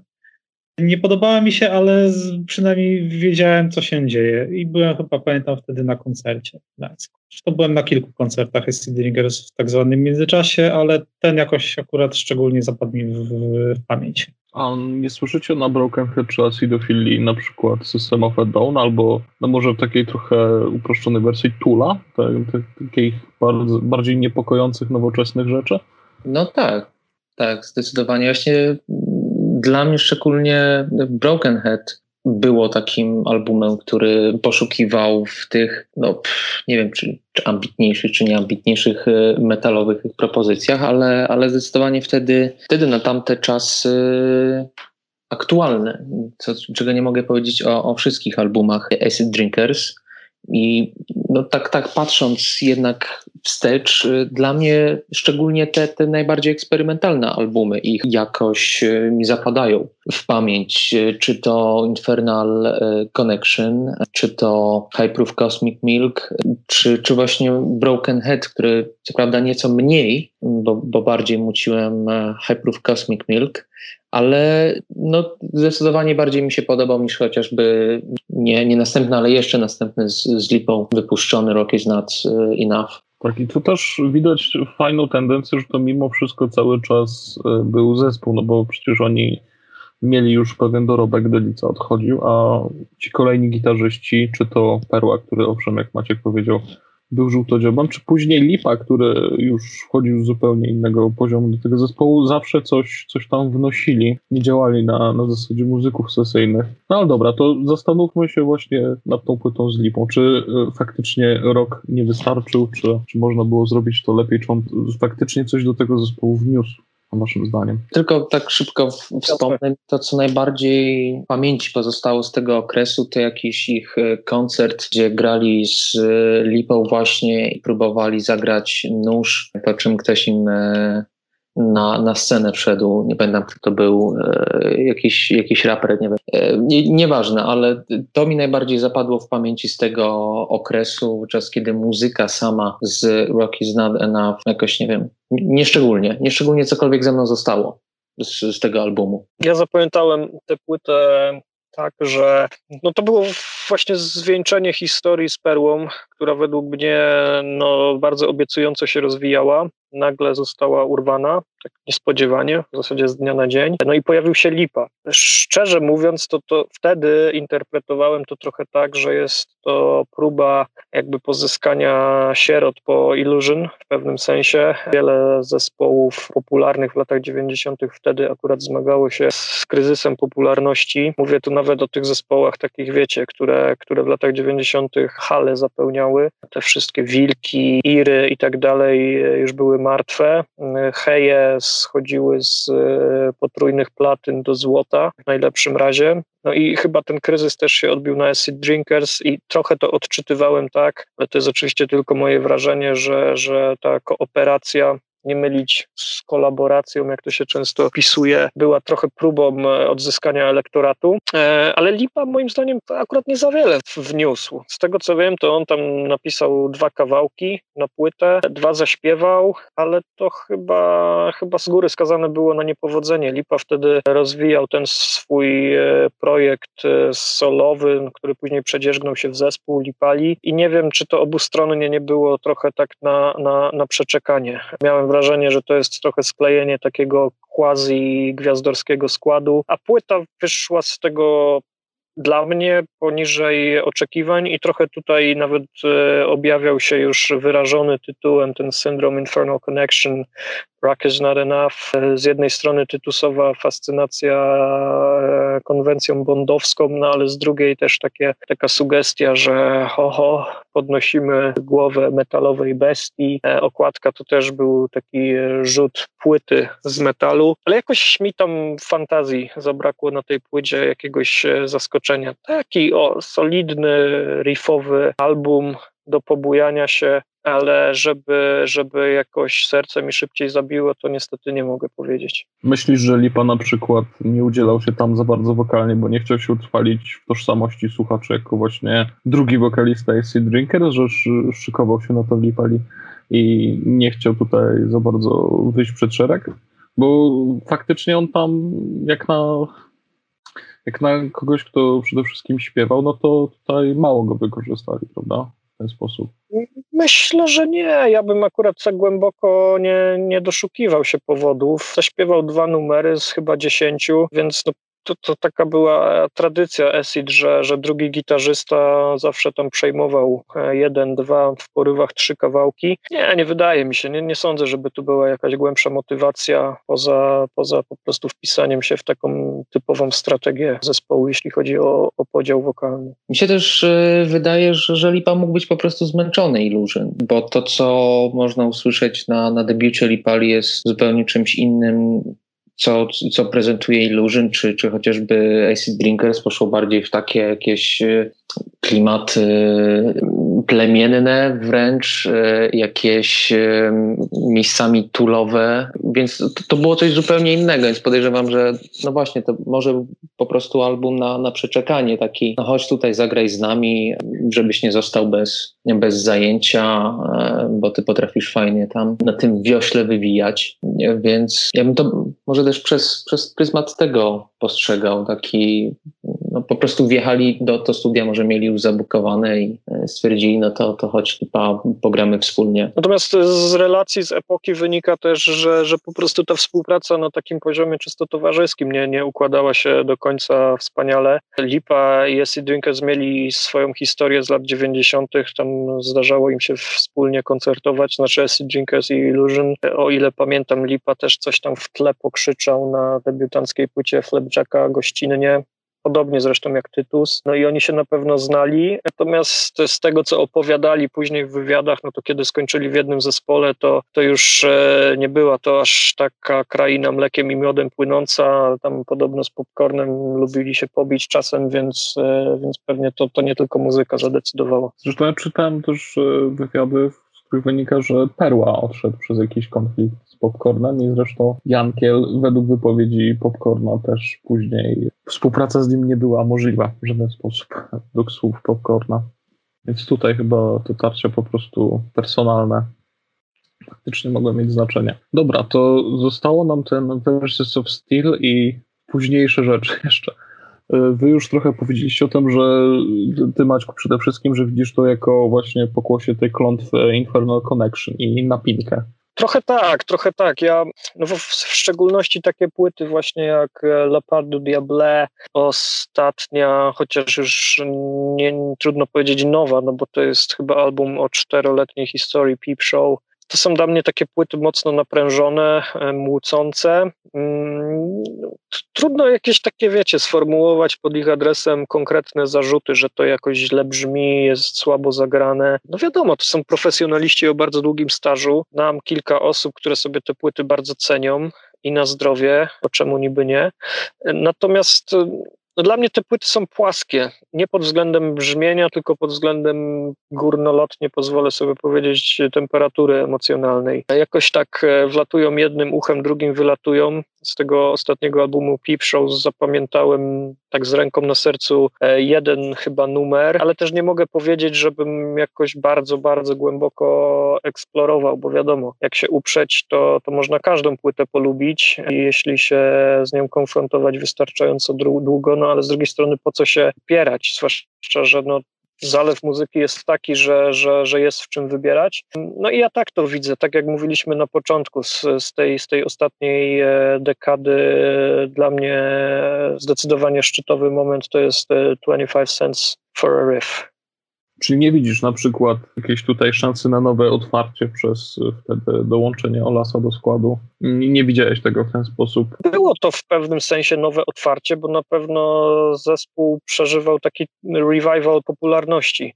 E, nie wiem, e, na ile to było związane z jakimś takim odrodzeniem sentymentów do metalu jako takiego, bo zauważcie, że, że ta druga połowa lat dziesiątych, to to na świecie też są takie trendy neotraszowe powiedzmy. Pojawiały się te wszystkie tam Warbringery i inne. Kawoki, ojej, tak, tak. Dokładnie. Wprawdzie, wprawdzie Versus of Steel to nie jest ta estetyka, ale wydaje mi się, że, że ziarno padło na podatny grunt i ta młodsza publiczność metalowa, mówię to zupełnie bez ironii, bo no, trudno winić kogoś za wiek, chętnie tę płytę łyknęła i ja się nie dziwię, bo to był porządny album, dobrze skrojony, no ale dla mnie znów, podobnie jak The Rock is Not Enough albo Peep Show, dość e, taki mętny, powiedziałbym. Spośród trzech wymienionych akurat i tak chyba najfajniejszy, ale ja miałem przy, przy słuchaniu tej płyty trochę takie wrażenie gdzieś na wysokości szóstego, siódmego numeru skakania mi po głowie. Jakby już e, tam za dużo było prób udowodnienia właśnie, że, że wciąż adrenalina krąży w dużym tempie naszymi żyłami i pewnie krążyła, no bo Olek był przecież zdecydowanie młodszy od e, reszty składu. Pewnie tam jakoś natchnął e, weteranów ale w moim osobistym rankingu ta płyta jest chyba niżej niż statystycznie w rankingach fanów. No nie, nie mogę powiedzieć, żeby mnie porwała. Mówię, wolę te zdecydowanie mniej cenione płyty typu na przykład Acidophilia albo Broken Head. Ja byłem bardzo daleko od tych płyt, kiedy one wychodziły, naprawdę. Jeżeli, y, kiedy wychodzi Rocky Snowy no to tak jak mówiłem, usłyszałem tę płytę. Versus of Steel chyba też usłyszałem, bo odnotowałem ją. Pardu Diable w ogóle, kompletnie mnie to ominęło. 25 Cents for Riff chyba również, aczkolwiek kiedy ostatnio nadrobiłem, jest naprawdę solidna. No i potem były te coverki. Peep Show chyba też kompletnie przyszedł mi pod radarem, więc nie mam po prostu za wiele do powiedzenia na temat tej ery. Desi Drinkers był wtedy zespołem, który funkcjonował w tym obszarze mainstreamowego metalu, który zupełnie mnie nie interesował, o tak powiem. No, mi się wydaje, że Versus of Steel było też takim sukcesem przez to, że w końcu było adresowane do e, do tych młodszych odbiorców, e, niekoniecznie e, do, do tych, którzy byli z nimi od samego początku, ale przez to, że było takie bardziej nowoczesne i jakieś tam doświadczenia z Known e, ze sobą Olas przyniósł, było, było agresywne, było jakieś, a w porównaniu z, z Rocky Znany coś się z tego zapamiętywało i chociażby blues, blues beatdown wciąż, e, jak sobie wracam do tego, jak sobie wróciłem ostatnio do tego numeru, może ma odrobinę dla mnie takiego, taką nutkę guilty pleasure, ale, ale wciąż mi się przyjemnie tego utworu słuchało. I... No Michał, to my jesteśmy tą młodą metalową publicznością, o której Maciek mówił. Tak. No, no, mam wrażenie, że tutaj na tym, na tym albumie y, ich muzyka y, znowu wróciła do tych ludzi, których metal najbardziej interesuje, czyli do, do tej właśnie y, młodzieży, do, do tych młodych, bo gdyby y, wypuścili drugi is, rock is Not Enough, to, to podejrzewam, że, że nie byłoby tak kolorowo. A tutaj dostaliśmy właśnie album, który, który skakał po głowie i no, to, co, to, co było też podejrzewam dla, dla mnie, dla, dla ciebie Piotrze, mogło być wtedy jakoś taką wartością dodaną, że rzeczywiście był agresywny, można było się wyżyć, a jak jeszcze przyjechali do twojego miasta na koncert, no to fajnie było poskakać sobie do tej muzyki. Ale wiecie co, powiem wam jeszcze, że teraz jak gadamy, tak doznałem nie, nieoczekiwanej iluminacji, że Ja być może te płyty mniej lubiłem właśnie dlatego, że one były takie metalowe, bo mm, co by nie gadać, to w latach 90. ten zespół trochę się wymykał e, tej ramie metalowej, bo mm, tam były przeróżne wątki przecież na tych płytach. Czasami jakieś granie trochę akustyczne, był ten przez jednych e, lubiany, przez innych wykpiwany Walkway to Heaven, jakieś e, aluzje punkowe, przecież to oni też nie bez powodu na, na pierwszym Fishdicku nagrywali rzeczy od, od ACDC do No Means No. Wydaje mi się, że ta infuzja wątków pozametalowych dla jednych była powodem, dla których Acid był zespołem świetnym. Dla bardziej ortodoksyjnych metalowców mogła być powodem, dla którego albo ten zespół odrzucali, potępiali w czambu, wyk wykpiwali. Ale jednak te płyty były dla mnie o wiele bardziej wyraziste. Natomiast kiedy oni e, poszli bardziej w taki skondensowany metal, to pewnie nadrabiali energią, ale trochę czaru zgubili. I chyba też w ten sposób sobie tłumaczę moją umiarkowaną sympatię do tych bardziej grzmiących płyt. Ja się mogę tylko zgodzić i to chyba jest też również jeden z, też również jeden z powodów, dla których y, nie przepadam za Infernal Connection. Dla mnie to jest bardzo jednowymiarowa płyta. Nie w sensie tego, że nie ma, nie ma tam Walkway to Heaven, tylko w takim sensie, że jest to po prostu bardzo ukierunkowane na bycie bardzo, bardzo metalowym zespołem, bardziej metalowy niż to, niż to dobrze brzmi. Mam wrażenie, że właśnie na State of Mind Report ta metalowość była służebna względem grania po prostu fajnych, dobrych piosenek. O tak. Czyli bardziej rozdźwięk między e, fajnymi piosenkami, a solidnym, powiedzmy, jednolitym e, albumem. Wiesz co, no, na, na State of Mind Report masz chyba najmocniejszym momentem tej płyty, poprawcie mnie, jeżeli się mylę, jest 24 Radical Questions, ale są tam To Be One, jest ten otwierający, który też jest bardzo szybki, ale w tym jest jakiś feeling, jakaś fajna melodia, jakaś bezpretensjonalność. Na Infernal Connection mamy takie dziwadła jak, jak 66.6, takie kurioza, takie straszne, no nie wiadomo tak naprawdę, czy to jest zabawne, czy to jest metalowe. Moim zdaniem nie jest ani jednym, ani drugim. Więc to była taka próba udowodnienia, że jesteśmy strasznie, strasznie serio, że potrafimy być serio zespołem, a potem, tak jak Maciek mówi, próba doskoczenia do tego poziomu i, i ta klątwa, która się wlokła za nimi. Widzę, że kształtuje nam się tutaj wyłania z mroków dziejów już jakaś ogólna refleksja dotycząca Icy Drinkers, ale zanim do, niej, do niej przejdziemy, zostały nam jeszcze ulubione, najlepsze, zabawowe covery. Jaki macie do nich stosunek? Bo można grać covery tak jak to robiło Megadeth na przykład, a no można do tego podejść i tak jak Casey Drinkers. Nienawidzę coverów Acid Drinkers. Szczerze nienawidzę wszystkich coverów, jakie oni nagrali. Jestem totalnym haterem since day one. Uważam, że wszystko, co, co było na ich płytach y, skowerowane jest, y, absolutnie się nie daje do, do słuchania, poczynając od Smoke on the Water przez oba Fishdiki po takie kurioza właśnie jak Wilding na, na State of Mind Report, jeden z, jedna z dwóch rzeczy, które tam kompletnie położyły tę płytę. I uważam też Acid Drinkers za e, głównych winnych tego, co instytucji, która wykształciła się w takim właśnie studencko-juwenaliowo-luzackim mocnym granku, czyli śmieszkowe covery. Ta instytucja śmieszkowych coverów typu Ametria, typu hiszpański hicior, te wszystkie mm, popowe y, piosenki przerabiane na metalowe granie, bo ktoś wygrowlował refren. To są tak potworne rzeczy, tak straszne i tak niesłuchalne i tak złe, i winnym za to jest moim zdaniem tylko ten jeden zespół Acid Drinkers, który zaszczepił to w polskim narodzie.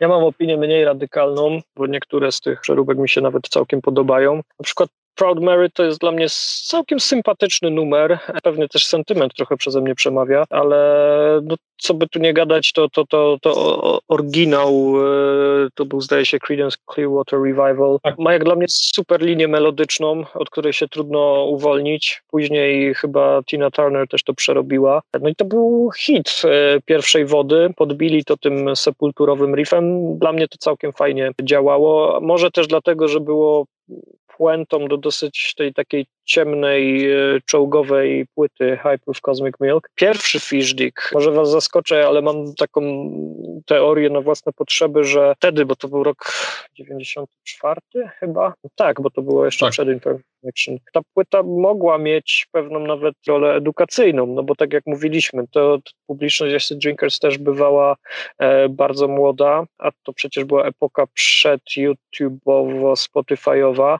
e, a tymczasem oni tam wrzucili no, numery takich kapel jak no, no Means No, Slate, który też chyba nie był jakimś e, zespołem wśród e, metalowców szczególnie znanym. Pink Floyd, no pewnie znany, ale to, to też by, mógł być dosyć zaskakujący wybór. I ta płyta dla mnie po prostu fajnie się słucha i też ma ten taki walor, być może wtedy miała walor edukacyjny, trochę per, per analogiam do tego, co, co, co Vader zrobił na Future of the, of the Past pierwszej części, kiedy, kiedy Peter to argumentował w ten sposób, że e, ortodoksyjni fani Vadera, słuchając ich wykonania Black Sabbath na żywo, pytali, dlaczego Vader napisał tak wolny utwór. Natomiast drugi Fish Dick, to już było trochę dla mnie przegięcie pały w tym sensie, że zauważcie, że na pierwszym Fish Dicku były jednak numery metalowe, hard rockowe, rockowe, natomiast koncepcja tej drugiej części była zupełnie inna. Tam były właśnie kawałki e, z przeróżnych stylistyk przeflancowane na metal. Albo na odwrót. Albo na odwrót. E, I to dla mnie było właśnie już takie trochę wysilone, albo momentami bardzo wysilone. Chociażby przerabianie Slayera na wersję country, no to jest wiecie, to jest żart z cyklu o ile śmieszy, to śmieszy przy, przy pierwszym podejściu. Nie? I tak jak mówiłem na początku, no, pewnie w stanie upojenia śmieszy bardziej niż na trzeźwo. Tam było już trochę za dużo prób udowodnienia, jak bardzo zabawni być e, potrafimy. Więc e, ta druga, druga część, mimo że okazała się rynkowym sukcesem dla zespołu i znów na zdrowie, ciężko mi się tego słucha.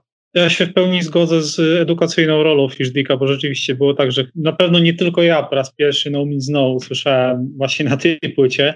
Tak mówisz, y, Future of the Past miał podobną, y, podobną wartość dla mnie, jako dla słuchacza, ale nie pozostaję przy tym, co powiedziałem. Nie lubię tych coverów, nie śmieszą mnie one, nie bawią. Y, uważam, że to jest szczyt złego smaku. To, to, to, to, to, co, to, co się wydarzyło na, nawet na drugim Fishdiku, bo ten pierwszy jest, jest jeszcze uzasadniony jakimiś okolicznościami kulturowymi, w których to wszystko powstało, oraz naszym wiekiem, bo, bo to była muzyka dużo młodszych słuchaczy.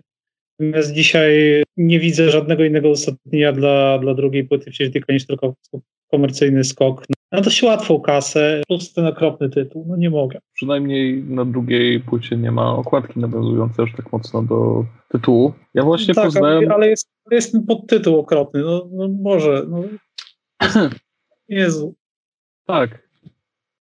To ja poznałem Fishdicka numer dwa jako pierwszą płytę i też najpierw przez pryzmat koncertów. Potem, gdy pobiegłem do Empiku zachwycony, jak fajnie Hit the Road Jack albo Hotstaff, bo ja na koncercie nabyłem tę płytę i posłuchałem właśnie Seasons in the Abyss w wersji country albo tego cudownego Nothing Else Matters, no byłem mniej zachwycony.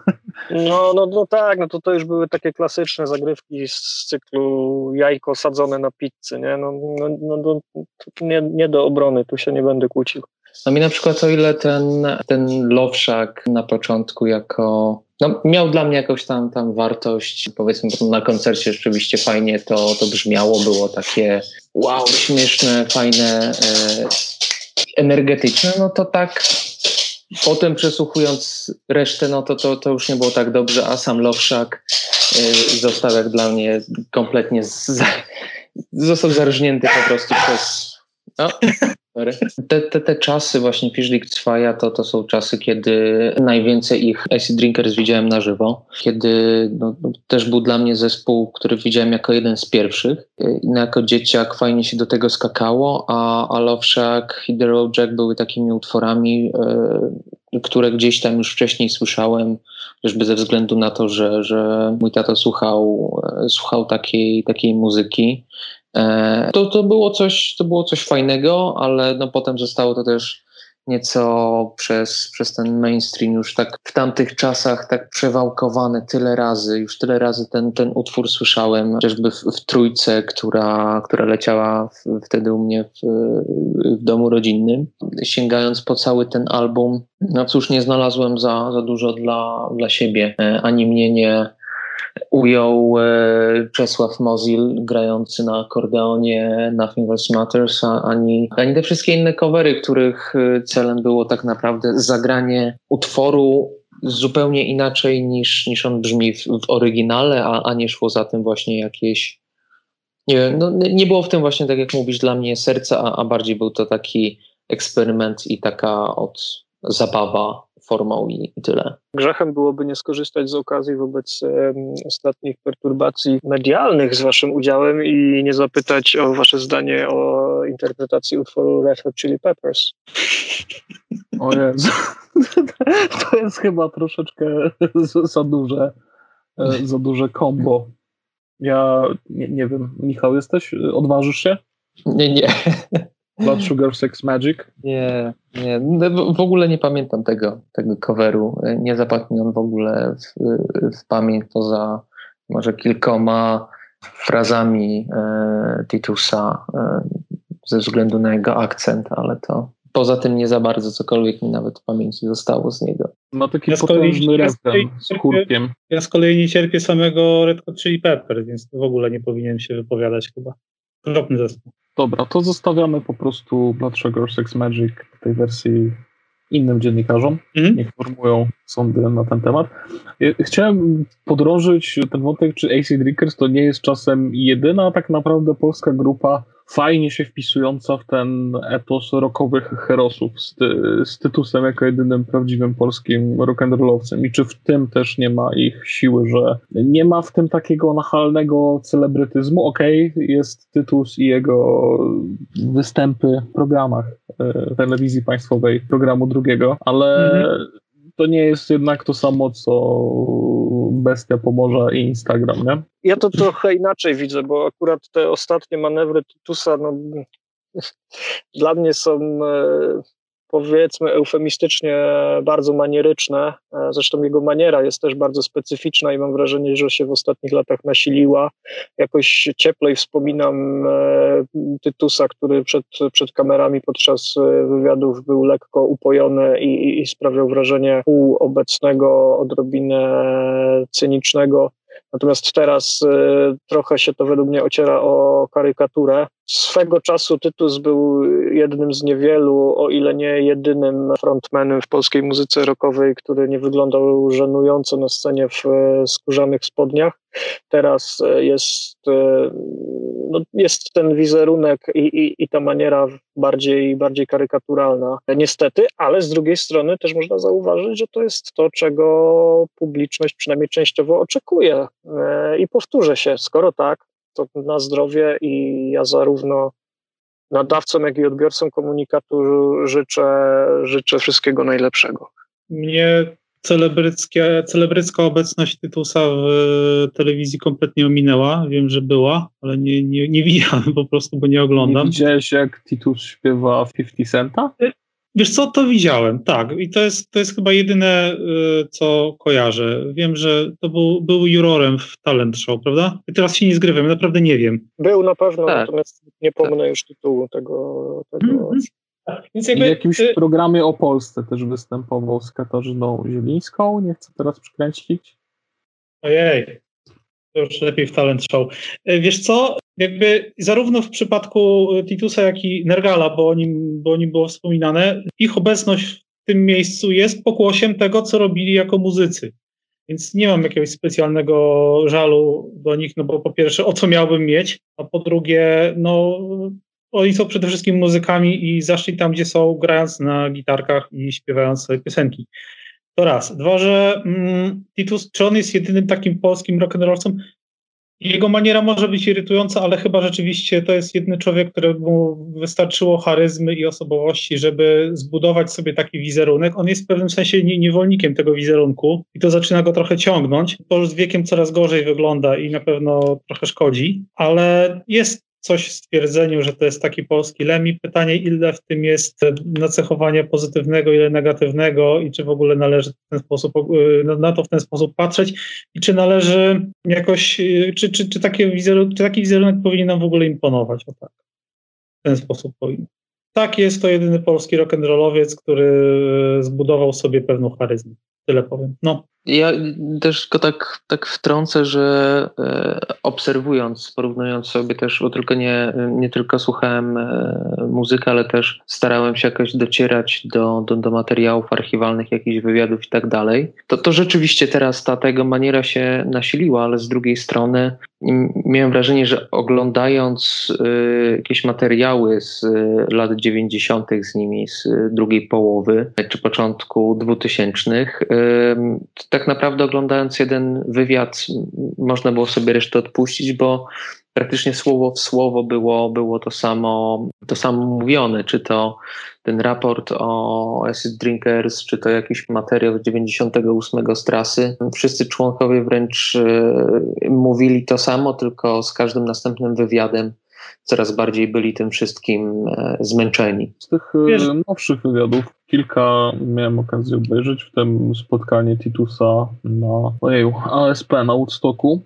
i rozumiem chyba o co Maćkowi chodzi z tym nasilającym się manieryzmem, z drugiej strony chyba w tym jest właśnie takie już y, wystudiowanego wizerunku i odpowiedzi, odbicia piłeczki serwowanej przez oczekiwania publiczności niż faktycznego tego rock'n'rollowego trybu życia, który no, wyniszczyłby go w końcu. I jeśli tak, to chyba lepiej w ten sposób, żeby to było po prostu mniej autodestrukcyjne. Ja mam po prostu takie wrażenie, że, że w latach 90. te wywiady może rzeczywiście na przykład e, pewne treści się tam powtarzały, ale jak to się ogląda, to tytuł, zwłaszcza wtedy miał tak, tak, tak rozkosznie wyjebany podczas tych rozmów, że to, to było przeurocze. Natomiast później po prostu wydaje mi się, że to bardziej była próba sprostania swojemu wizerunkowi. Mniej więcej to miałem na myśli. A my może myślę, że możemy się zbliżyć trochę już e, do końca i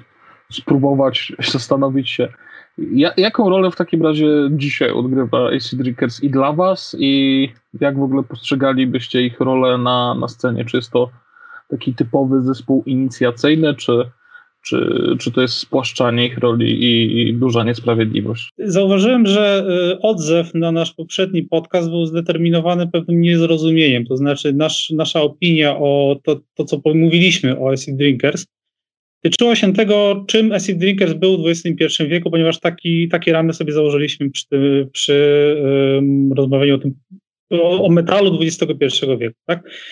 Taka była rola Acid Drinkers w XXI wieku, że był to zespół, który świecił odbitym światłem tego, czym był w latach 90. I żeby oddać mu sprawiedliwość, trzeba powiedzieć, że był to zespół bardzo wpływowy. W pewnym sensie jest, dlatego że nie ma drugiego takiego zespołu jak Acid Drinkers. Ja, jako człowiek, który nie ma już dzisiaj żadnego sentymentu do tego zespołu, nie słucha jego muzyki z drżeniem serca, ale słuchał jej z drżeniem serca w wieku wczesnonastoletnim mogę powiedzieć, że tak, jest, był to zespół ważny. Na pewno jest to zespół inicjacyjny, ponieważ to jest zespół, który wprowadza cię w metal, e, nie strasząc się nim. Metal jest straszny, jest głośny, odrzuca e, dziwnym wokalem, tempem, brzmieniem. Acid Drinkers był takim zespołem, który był metalowy, ale jednocześnie cię nie odrzucał, nie odstraszał, miał ten humorek, wydawał się przyjazny. To były takie śmieszne chłopaki, ten koleś w tych spodniach z panterki, ten Lica taki fajny gitarzysta, taki, taki trochę boys bandzik, taki trochę sympatyczny rockowy zespół, sprawdzali się i w Klipolu i, i na Metalmanii i tak to był zespół inicjacyjny Uważam, że w najlepszym tego słowa znaczeniu. Jednak, mimo wszystko, z całym bagażem tego złego, co oni zrobili, to uważam, że to jest dobry zespół taki na początek. I ja osobiście z niego wyrosłem. Wiem, że część ludzi darzy go, darzy Acid Drinkers pewnym sentymentem, lubią ich. Rozumiem to. Nie będę przepraszał za swoje zdanie na pewno, ale, ale okej, okay, kumam, może się to komuś ciągle podobać. Natomiast y, to jest zespół, który ja widzę jako przecięcie czegoś fajnego, to znaczy świetnego songwritera, dobrych instrumentalistów. To wszystko było topione w czymś, co się bardzo szybko starzało. Tak Piotrek mówiłeś, ten cały, cała warstwa humoru, estetyki, wyborów graficznych, to wszystko bardzo, bardzo źle zniosło próbę czasu moim zdaniem. To, to były te okładki, to były te kawałki, które typu Murzyn Mariusz, typu, typu Mike Twell, typu ten absolutnie chujowy Midnight Visitor z tym okropnym, żenującym tekstem, to, to są rzeczy niewybranialne, tak? Ja nie wiem, to, to wtedy nie bawiło. Ja miałem wtedy 11 lat i po prostu nie zwracałem na to uwagi, miałem to gdzieś.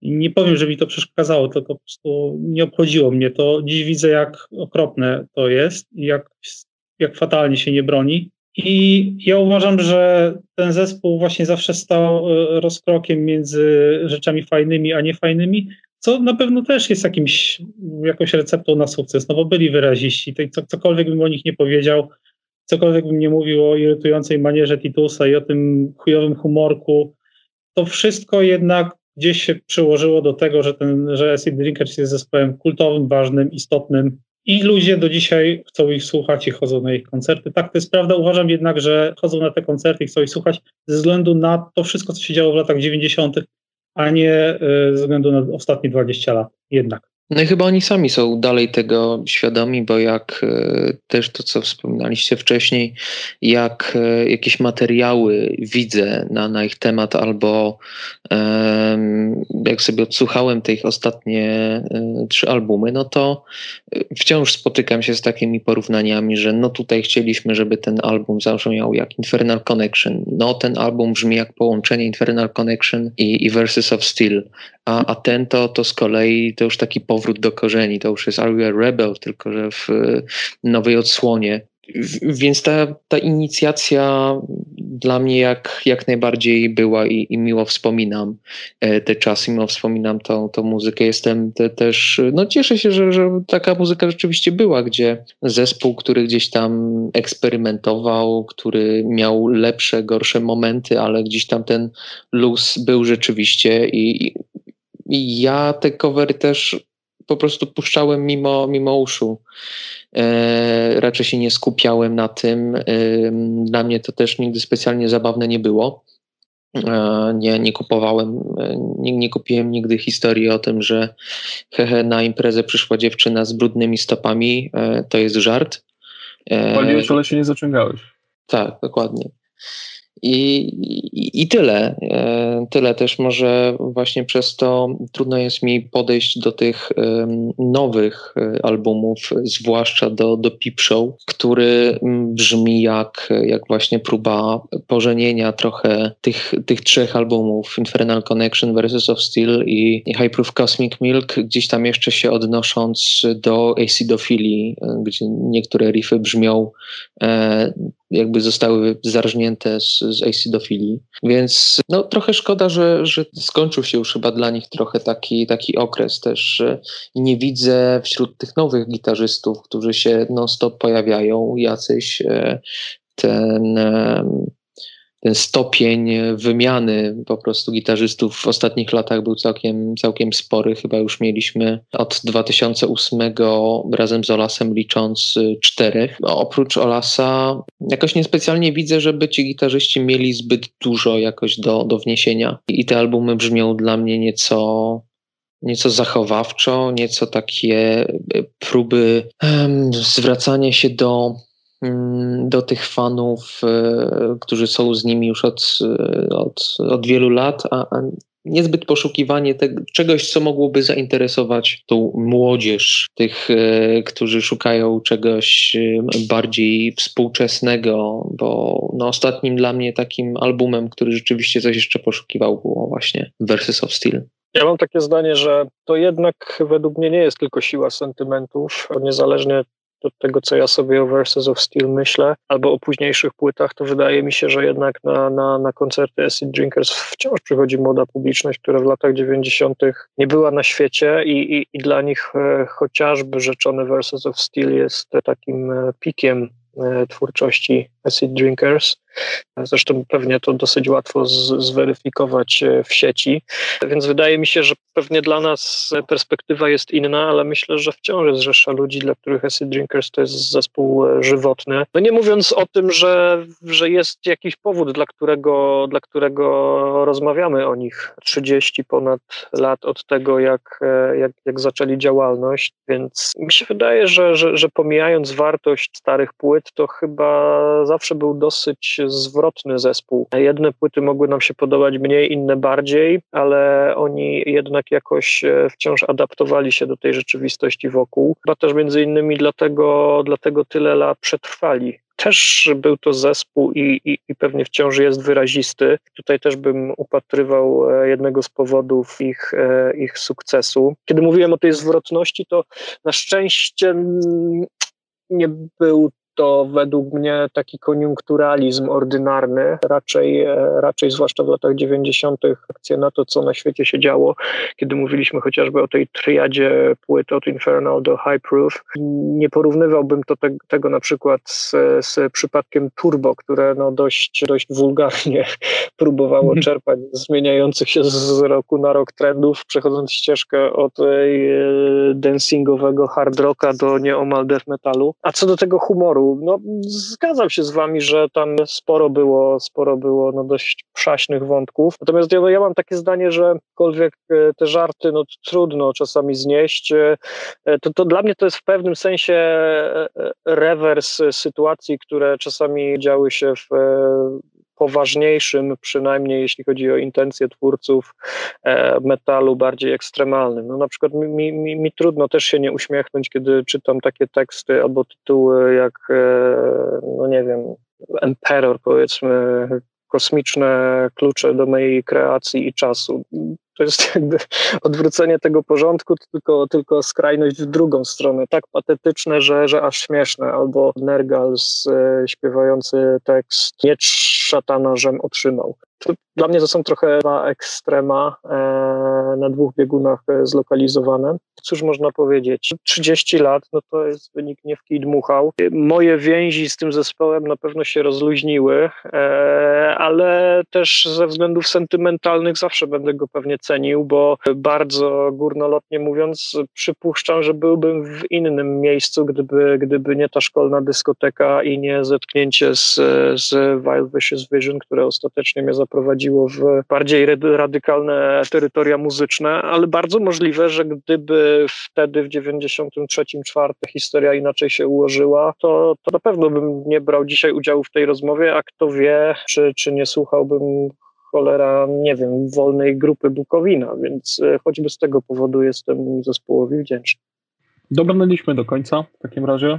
Tu był podcast Metalurgia za mikrofonami Piotr i... I, ja, Michał. A naszymi gośćmi byli Maciej Przybiński, Metal Hammer oraz Dziękuję bardzo za zaproszenie. Szanowani. Dziękuję bardzo. Dawajcie znać, y, jakie wasze były przygody z AC Drinkers, jaką rolę y, dla was spełnił ten zespół. My z wami się żegnamy, słyszymy się w nie wiemy jeszcze jakim gronie za jakiś czas. Cześć. Cześć. Okej. Okay. Looking for truly stunning jewelry this holiday season? Boone & Sons Jewelers is fully stocked with unique gifts they'll love in Chevy Chase, DC, and McLean, and virtual shopping experiences by appointment. Trusted by Washingtonians for over 70 years. BooneandSons.com.